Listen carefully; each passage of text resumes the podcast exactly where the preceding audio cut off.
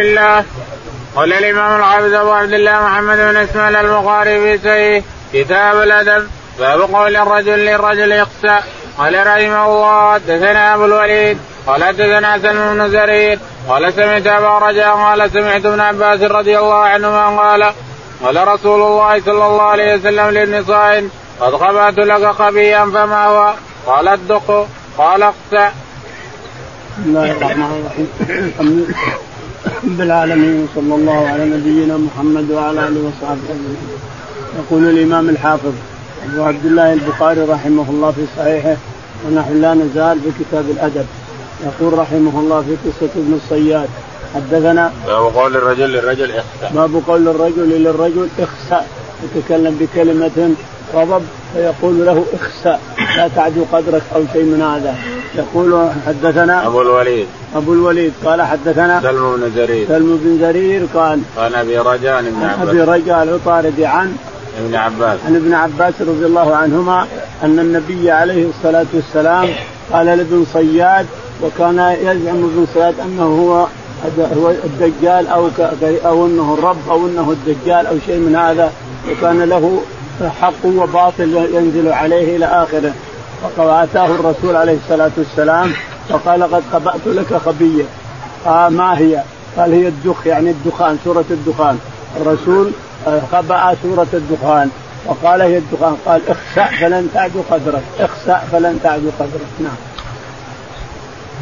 قال رحمه الله حدثنا ابن اليمان قال أخبرنا شعيب بن الزهري قال أخبرني سالم بن عبد الله أن عبد الله بن عمر رضي الله عنهما أخبره أن عمر بن الخطاب انطلق مع رسول الله صلى الله عليه وسلم في راد من أصحابه قبل ابن صياد حتى وجدوا يلعب مع الغلمان في يخطم بني مقاله وقد قارب ابن السياد يومئذ الحلم ولم يشعر حتى ضرب رسول الله صلى الله عليه وسلم ثاره بيده. ثم قال أتشهد أني رسول الله فنزل إليه فقال أشهد أنك رسول الأميين. ثم قال ابن الصياد أشهد أني رسول الله. فرده النبي صلى الله عليه وسلم ثم قال آمنت بالله ورسله. ثم قال لابن سياد ماذا ترى؟ قال يأتيني صادق وكاذب. قال رسول الله صلى الله عليه وسلم خلد عليك الأمر. قال رسول الله صلى الله عليه وسلم إني خبأت لك خبيئا. قال هو الدق. قال اقسم فلم تاخذها قدرك قال عمر يا رسول الله تأذن لي فيه أضرب عنقه. قال رسول الله صلى الله عليه وسلم أن يكن هو. لا تسلط عليه أن يكون هو ولا خير لك في قتله. قال سالم فسمعت عبد الله بن عمر يقول انطلق بعد ذلك رسول الله صلى الله عليه وسلم وابي بن كعب الأنصاري.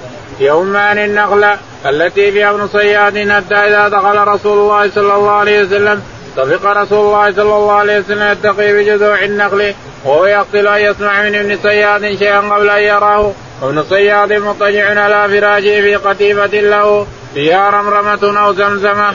فرأت ابن صياد النبي صلى الله عليه وسلم ويتقي بجذوع النخل فقالت لابن صياد أي صافي واسمه هذا محمد؟ فتنى ابن صياد قال رسول الله صلى الله عليه وسلم لو ترك تبين قال سالم قال عبد الله قام رسول الله صلى الله عليه وسلم في الناس واثنى على الله بما هو اهله ثم ذكر الدجال فقال إني أنذركم وما من نبي إلا وقد أنذر قومه لقد أنذره نوح قومه ولكني سأقول لكم فيها قولا لم يقله نبي لقومه تعلمون أنه أعور وأن الله ليس بأعور. قصتين مع بعض يقول البخاري رحمه الله حدثنا قال حدثنا أبو اليمان. أبو اليمان قال حدثنا شعيب. شعيب قال حدثنا الزهري. الزهري قال حدثنا سالم عن ابن عمر. سالم عن ابن عمر رضي الله عنه قال أن عمر بن الخطاب انطلق مع رسول الله. إن عمر بن الخطاب انطلق مع رسول الله عليه الصلاة والسلام وأبو صياد في في في, في نخل مضطجع ملتحف بلحاف ولا يلعب مع الغلمان. أو قال يلعب مع الغلمان فأتاه الرسول عليه الصلاة والسلام فضرب على صدره. التفت اليه فقال تشهد أني أني رسول الله. قال أنت نبي الأميين. أو قال رسول الأميين. ثم قال أبو سياد تشهد أني رسول الله. قال فرده النبي صلى الله عليه وسلم. فرده النبي ضربه على صدره.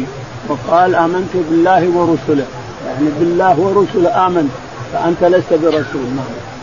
ثم قال لابن سياد ماذا ترى؟ ثم قال لابن صياد ماذا ترى؟ قال ارى حق وباطل. قال خلف عليه. خلاص. ما دام الأمر صار اثنين حق باطل فهو خلف عليه. وليس كما يقول؟ نعم. وليس هو الدجال أيضا.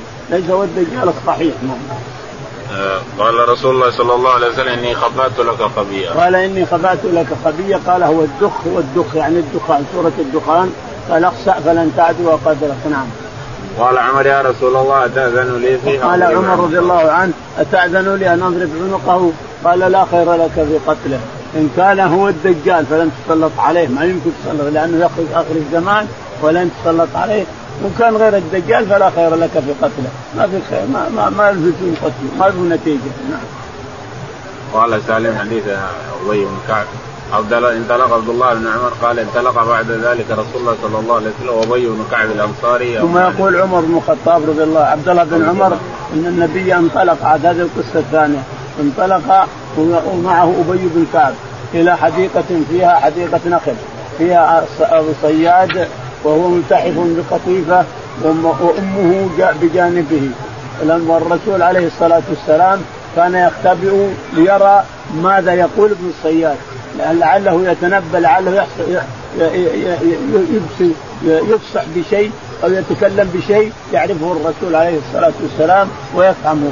فقال فكان الرسول اختبأ بالنخل ورأى النخل وهذا مضطجع على فراش مرتفع فقالت أمه يا صافي يقول هذا اسمه اسمه صافي.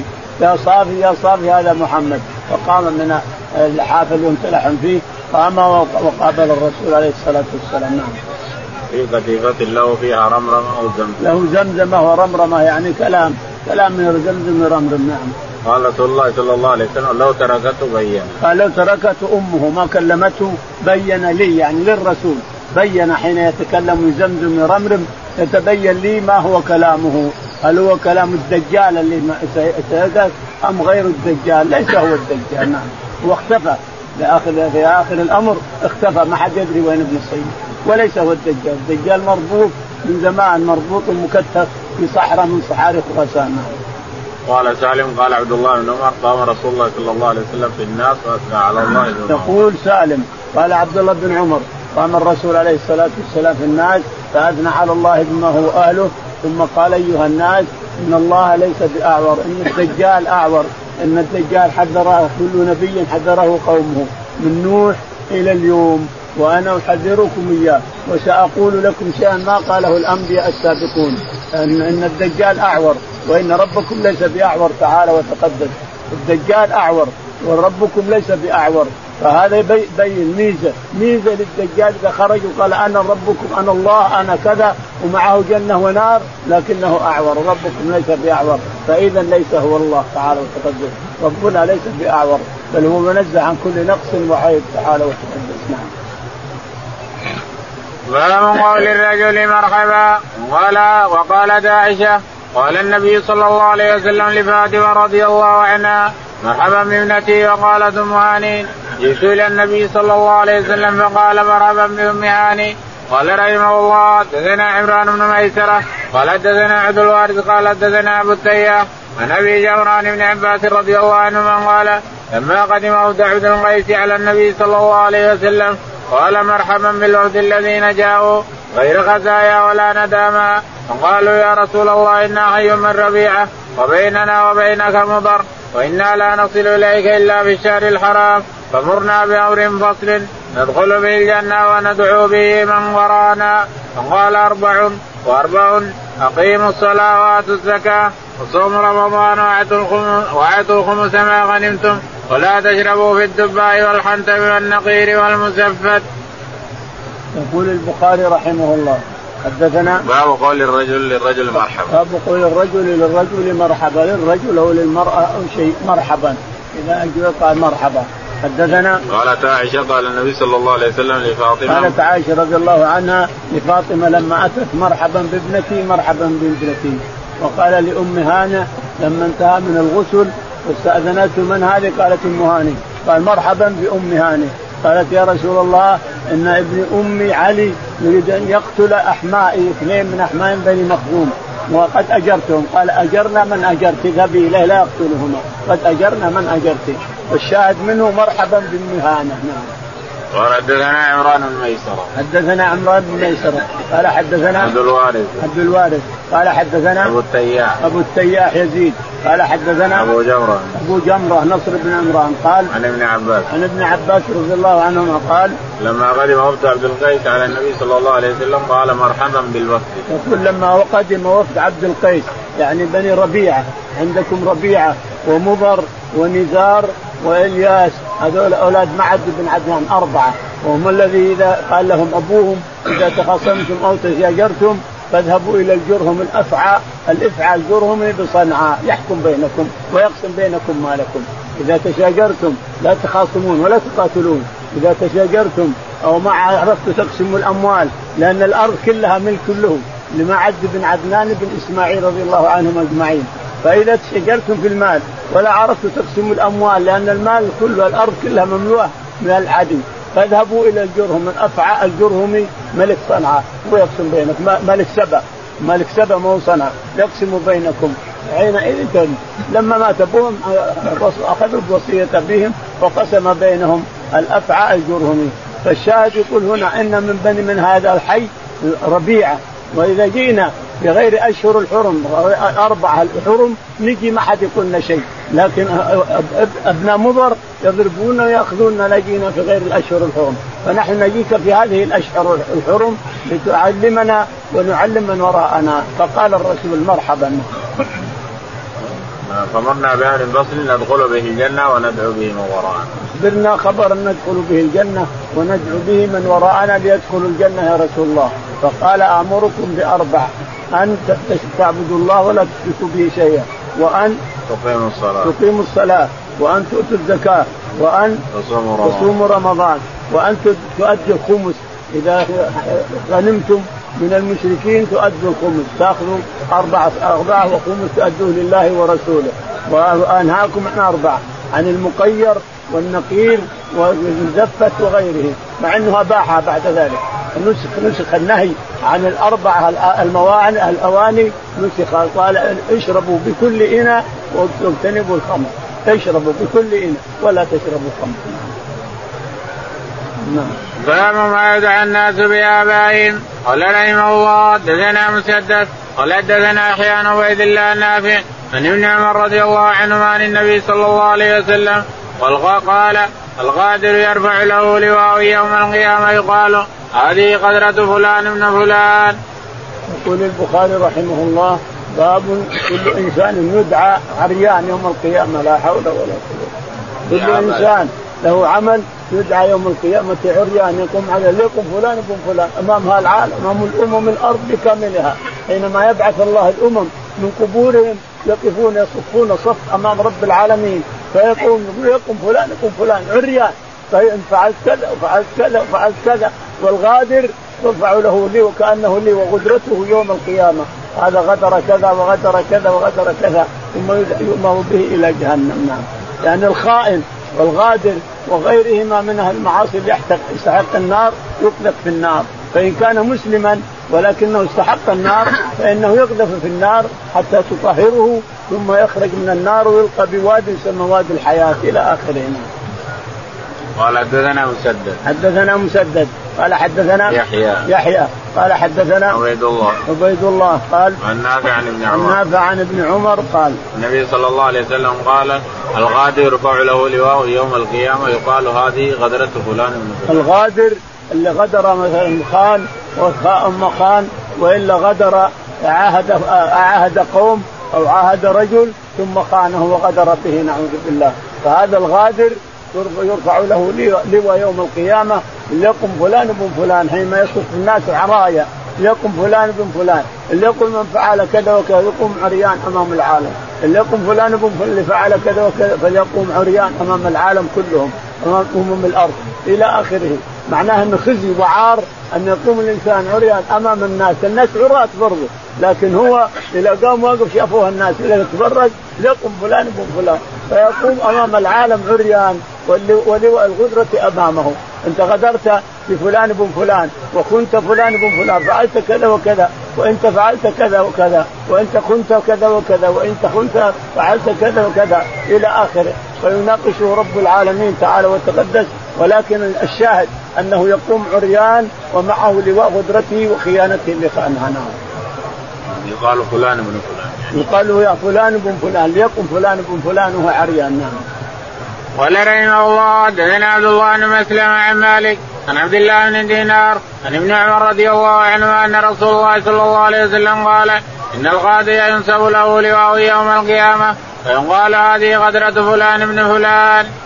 يقول البخاري رحمه الله حدثنا عبد الله بن مسلمة. عبد الله بن مسلمة قال حدثنا مالك. مالك قال حدثنا عبد الله بن دينار. عبد الله بن دينار عن عبد الله بن عمر. عن عبد الله بن عمر رضي الله عنه أن النبي عليه الصلاة والسلام قال نعم. الغادر تنصب له قدرته يوم القيامة ليقم فلان بن فلان وقدرته منصوبة وهو عريان يقوم يشوف حتى اللواء محطوط اللواء يراه الناس بكاملهم أو إذا غدر أو أو شيء من هذا نعم. باب لا يقول خبزت نفسي قال رحمه الله حدثنا محمد بن يوسف قال حدثنا سفيان عن هشام بن نبي عن عائشة رضي الله عنها عن النبي صلى الله عليه وسلم قال لا يقول أن أحد خبزت نفسي ولكن ليقل, لقست نفسي. يقول البخاري رحمه الله باب لا يقول المسلم لا خبثت نفسي لأن الخبث شر نعوذ بالله الخبث شر ولكن يقول لقست يعني تغير مزاج نفسي تغير مزاجها اليوم نفسي تغير مزاجها اليوم فليقول لقست يعني تغير المزاج.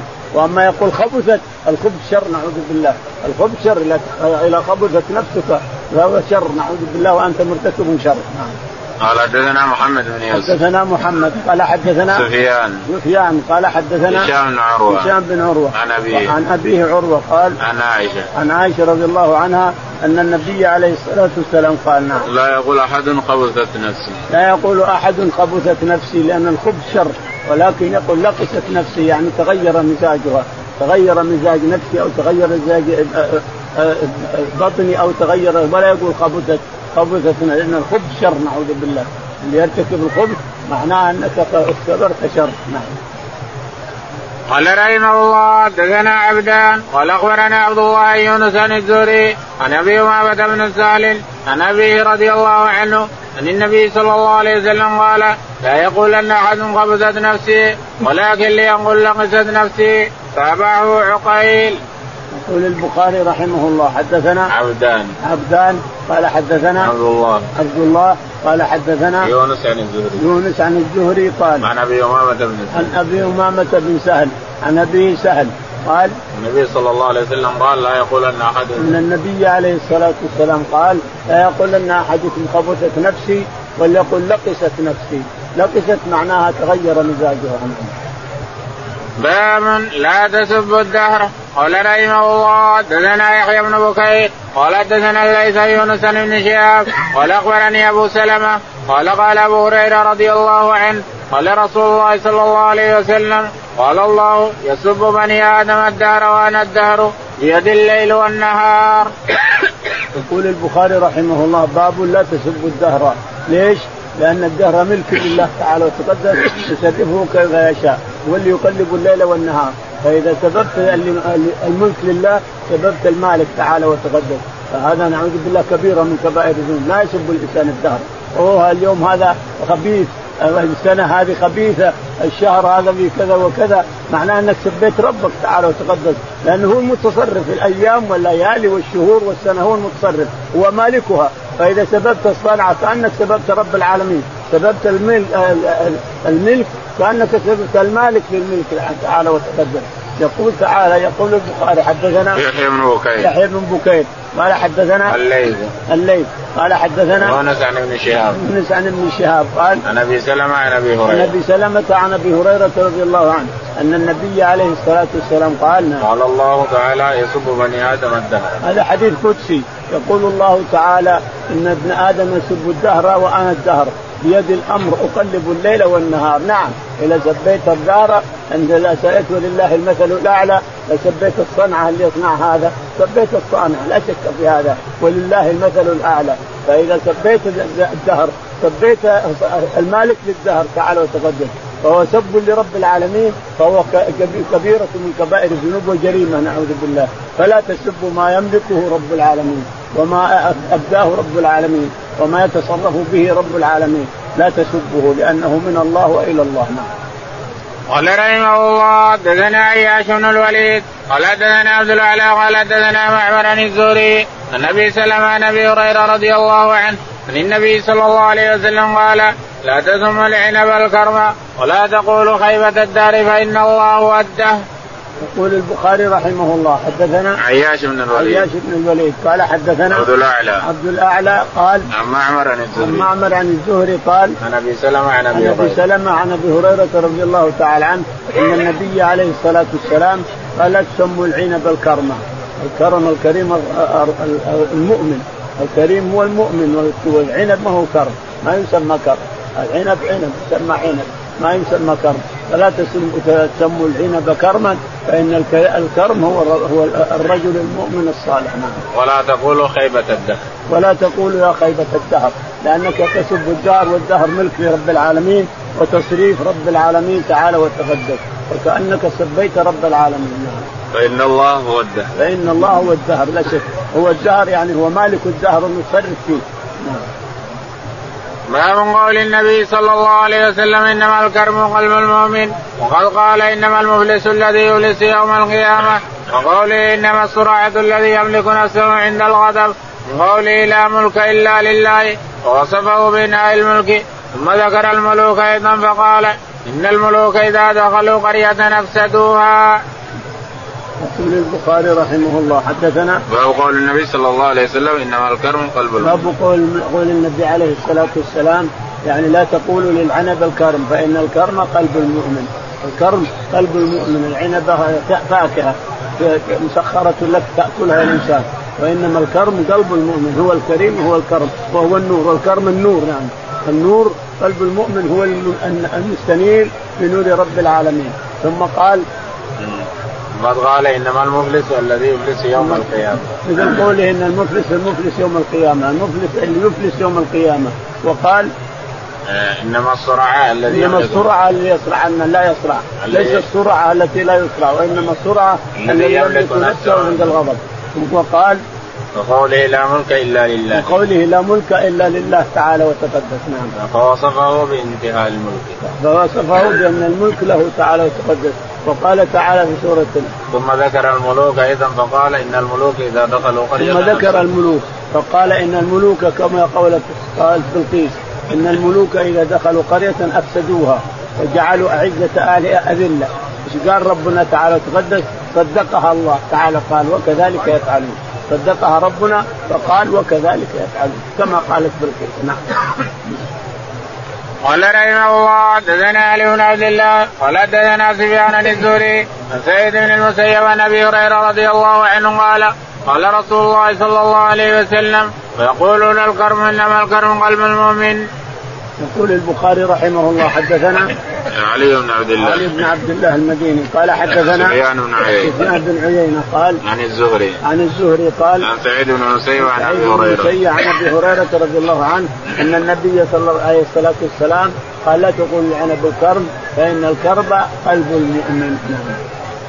باب قول الرجل فداك أبي وأمي به الزبير عن النبي صلى الله عليه وسلم قال رحمه الله حدثنا مسدد قال حدثنا يحيى عن سفيان قال حدثني سعد بن إبراهيم عن عبد الله بن شداد عن علي رضي الله عنه قال ما سمعت رسول الله صلى الله عليه وسلم يفدي أحدا غير سعد سمعته يقول ارمي فداك أبي وأمي أظن يوم أحد.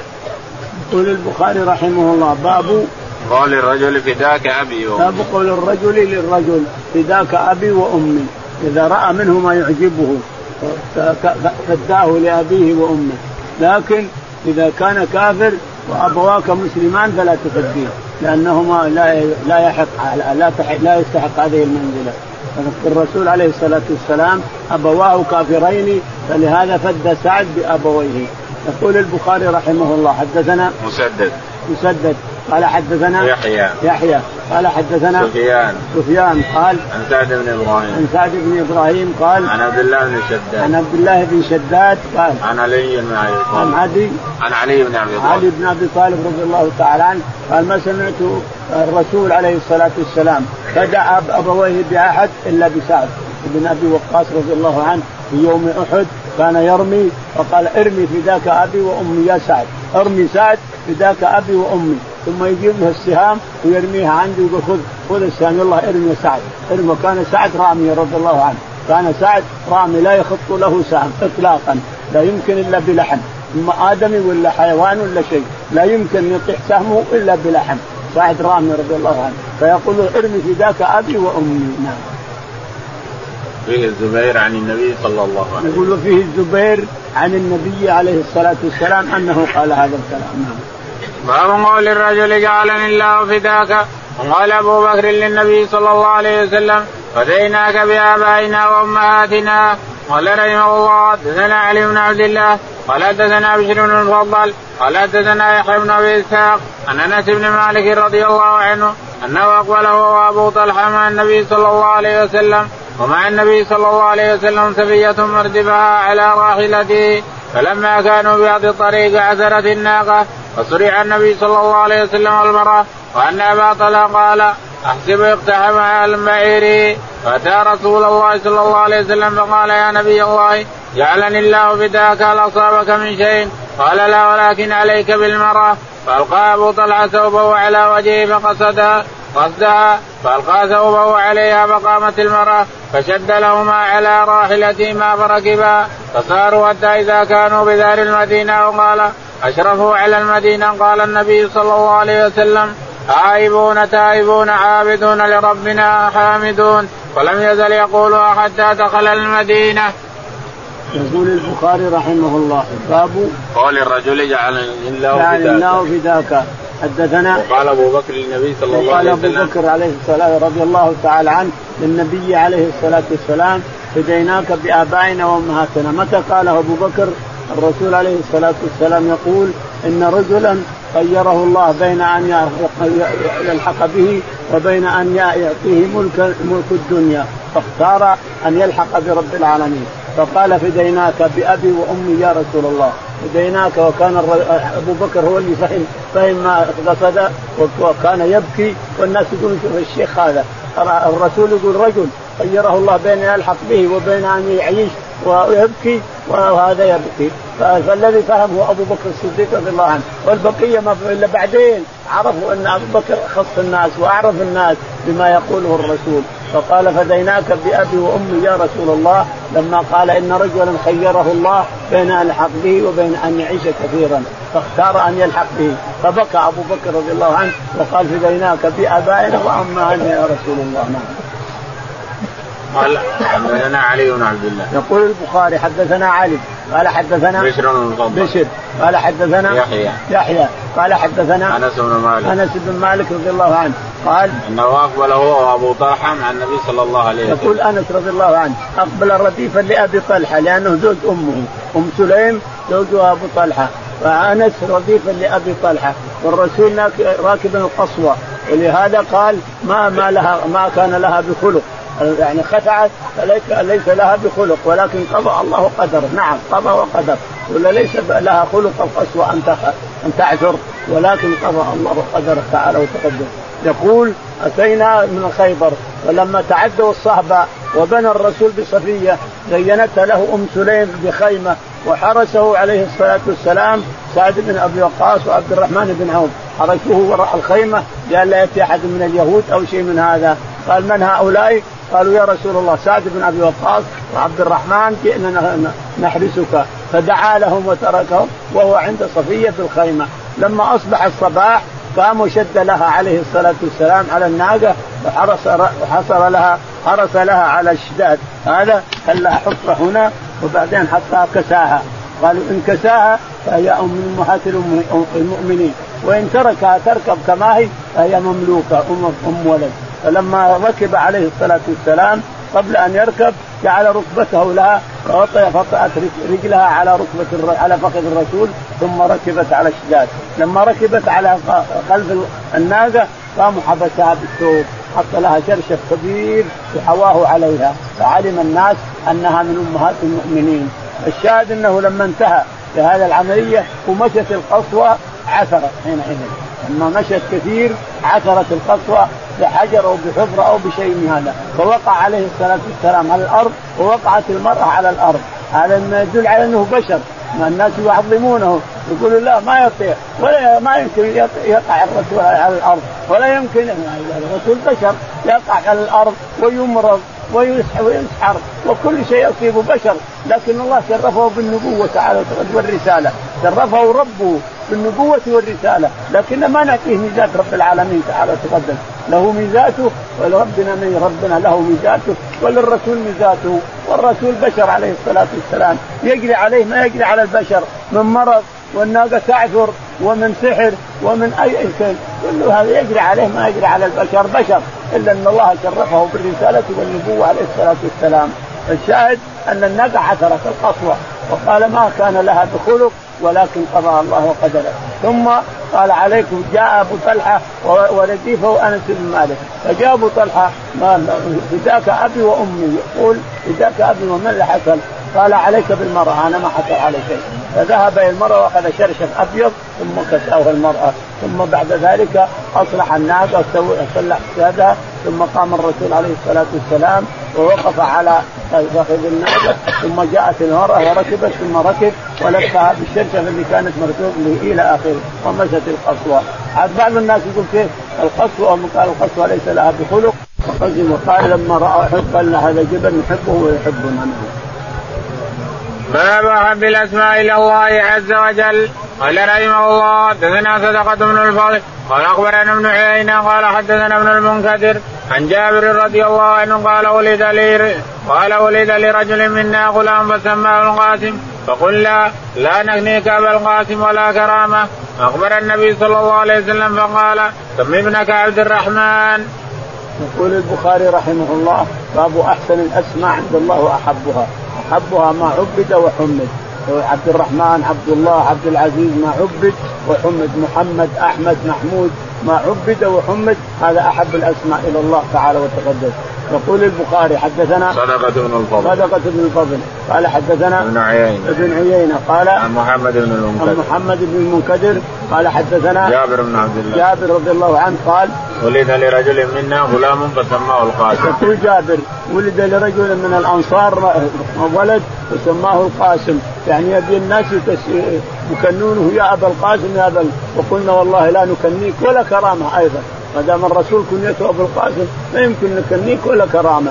فذكر ذلك للرسول عليه الصلاة والسلام فقال تسموا باسمي محمد تسموا محمد ما يخالف. لكن الكنية لا. الكنية أبو القاسم ما يمكن. لكن سمي ولدك عبد الرحمن يعني فإنها أحسن الأسماء. لكن لما مات الرسول عليه الصلاة والسلام خلاص. من سمى ابو القاسم له أن يسمي ويكني نفسه ابو القاسم. مات الرسول اللي كان يدعى لأن الرسول له قلت يا ابا القاسم. رجل له ولد يسمى ابو القاسم. قال يا ابا القاسم فالتفت الرسول عليه الصلاة والسلام. وهذا جريمة. قال ما ما أقصد ترك أكيد ما تقصد الرسول. أقصد لا هذا اسمه ابو القاسم. قال تسموا باسمي ولا تكنوا بكنيتي. جريمة أن تسمي أن تقول يا أبا القاسم ويلتفت الرسول تقول ما أريدك. هذه جريمة نعوذ بالله ولكن لا لا تكنوا بكنية الرسول. تقول أبو القاسم ما لا يمكن. قال سمي ولدك عبد الرحمن. نعم. باب قول النبي صلى الله عليه وسلم سموا باسمي ولا تكتنوا بكنيتي. قاله أنس النبي صلى الله عليه وسلم قال رحمه الله حدثنا مسدد قال حدثنا خالد قال حدثنا حسين عن سالم عن جابر رضي الله عنه قال ولد لرجل منا غلام فسماه القاسم فقالوا لا نكنيه حتى نسأل النبي صلى الله عليه وسلم فقال سموا باسمي ولا تفتنوا بكنيتي. يقول البخاري رحمه الله حدثنا؟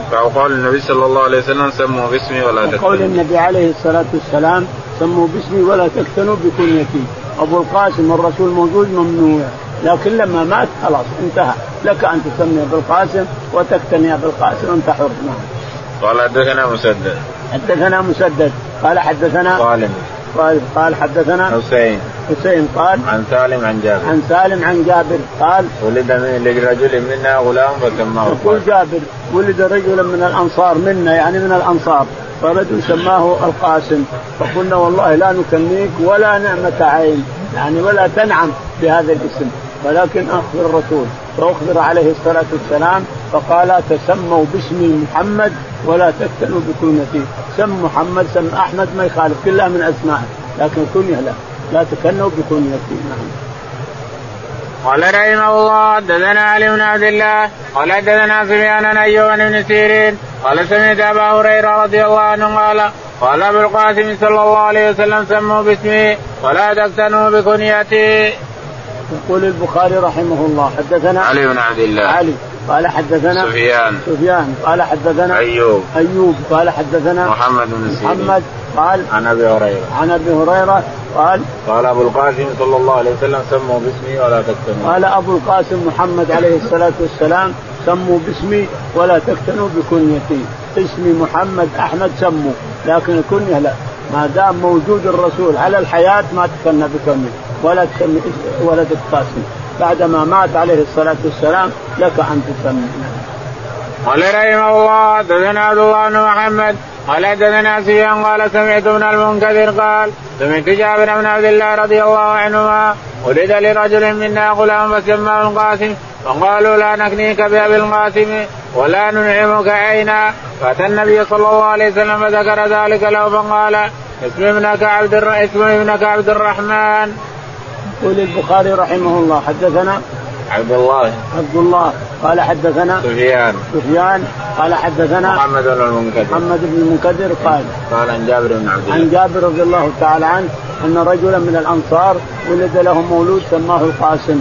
وقلنا والله لا نكنيك بأبي القاسم ولا نعمك عينك بعد. ولا نعم اذل وأحقر من أن تسمى بأبي القاسم والرسول موجود. فأخبر الرسول عليه الصلاة والسلام فقال تسموا باسمي ولا تفتنوا بكنيتي سمي ولدك عبد الرحمن. فسماه عبد الرحمن. وهو أفضل. نعم. باب اسم الحزن. قال رحمه الله حدثنا إسحاق نصر قال حدثنا عبد الرزاق قال أخبرنا معمر الزهري عن ابن المسيب عن أبيه أن أباه جاء إلى النبي صلى الله عليه وسلم فقال ما اسمك؟ قال حزن. قال أنت سهل. قال لا أغير اسما سماني أبي سمانيه أبي. قال ابن المسيب فما زالت الحزونة فينا بعد؟ يقول البخاري رحمه الله باب من تسمى بالحزن نعوذ بالله من الحزن. قال حدثنا إسحاق بن نصر. إسحاق بن نصر قال حدثنا عبد الرزاق. عبد الرزاق قال حدثنا معمر عن الزهري. معمر عن الزهري قال عن ابن المسيب عن سعيد بن المسيب ابن حزن. سعيد بن المسيب ابن فلان ابن حزن. آخر جد له حزن. وقال حدثنا آه. عن أبي هريرة رضي الله تعالى عنه أن النبي عليه الصلاة والسلام جاءه رجل فقال ما اسمك يا فلان؟ لا من الصحابة. قال اسمي حزن قال حزن قال, قال لا أنت اسمك سهل. قال لا يغير. ما يمكن أن أغير اسما سماه أبي وأمي. يعني ما طاع الرسول. لما ما طاع الرسول قال اذا لا بأس. انت أنت حزن فبقيت يقول بقيت الحزون. يقول سعيد بن المسيب. يقول بقيت الحزونة في آبائنا وأجدادنا إلى إلى الأبد نعوذ بالله. قال رحمه الله حدثنا علي بن عبد الله ومحمود قال حدثنا عبد الرزاق قال أخبرنا معمر الزهري عن ابن المسيب عن ابي عن جده بهذا. يقول البخاري حدثنا علي بن عبد الله. علي بن عبد الله قال حدثنا بن غيلان. ها؟ علي بن عبد الله ومحمود بن ومحمود بن غيلان. قال الاثنين حدثنا عبد الرزاق. عبد الرزاق. قال حدثنا معمر عن الزهري. معمر عن الزهري. قال عن سعيد بن عن المسيب سعيد بن المسيب. عن أبيه عن جده. عن أبيه عن جده حزن. قال إن هذا الحديث. يعني. لا بمعنى هذا الحديث إن النبي قال ما اسمك؟ قال حزن. قال لا أنت سهل قال لا ما يغير ما اغير اسم. سماني حد قال اذا أنت الحزن نقول سعيد فبقيت الحزن فينا وفي آبائنا إلى الأبد.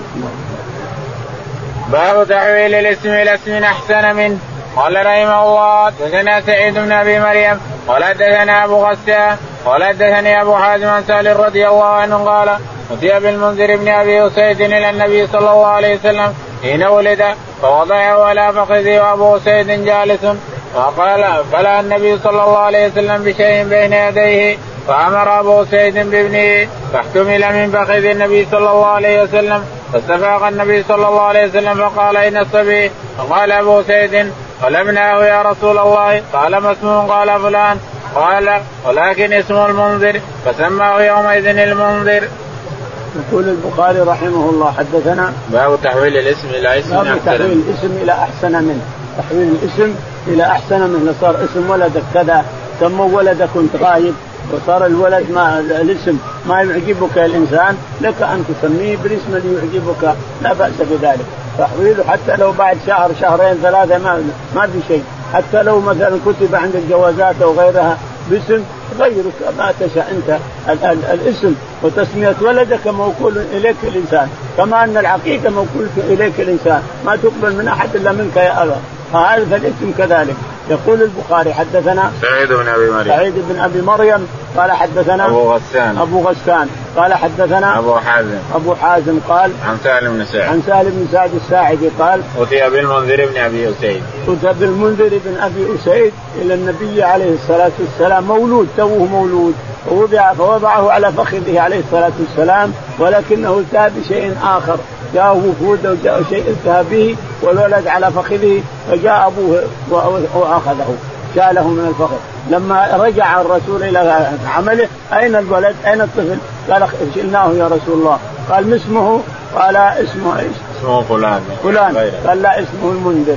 اسمه المنذر فسموه المنذر إلى الأبد. قال رحمه الله حدثنا صدقة بن الفضل قال حدثنا محمد بن جعفر عن شعبة عن عطاء بن أبي ميمون عن أبي رافع عن أبي هريرة رضي الله عنه أن زينب كان اسمها برة فقيل تزكي نفسها فسماها رسول الله صلى الله عليه وسلم زينب. يقول البخاري رحمه الله. حدثنا صدقة بن الفضل. صدقة. قال حدثنا محمد بن جعفر. محمد. قال حدثنا شعبة. شعبة. قال حدثنا عطاء. عطاء.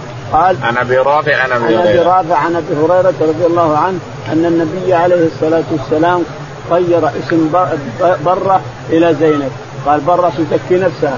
برة يعني من البر تزكي نفسها. لازم تغير اسمها إلى زينب. فغيرت اسمها إلى زينب. نعم.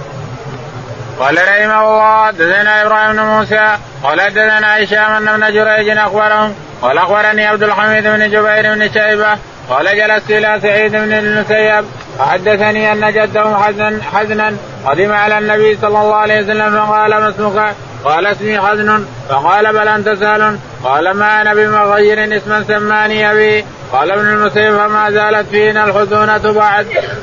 يقول البخاري مكررا ما سبق حدثنا إبراهيم. إبراهيم. قال حدثنا هشام. هشام. قال حدثنا ابن جريج. ابن جريج قال عن عبد الحميد. عن عبد الحميد قال جلست إلى سعيد بن المسيب. يقول سعيد بن المسيب بن حزن. يقول إن سعيد قال إن النبي إن أن جده إن حزنا جده حزن. أتى النبي عليه الصلاة والسلام فقال ما اسمك؟ قال حزن. قال أنت سهل إن شاء الله. قال لا أغير. ما أغير اسم سماني فيه أبوي وأمي. ما أغيره. وسكت النبي وتركه. يقول سعيد فلا زالت الحزون فينا حزون فينا وفي أولادهم يعني. باب من سمى بأسماء الأنبياء. بس. اللهم اهدنا فيمن هديت وعافنا فيمن عافيت وتولنا فيمن توليت. اللهم توفنا مسلمين وحسن الصالحين رب العالمين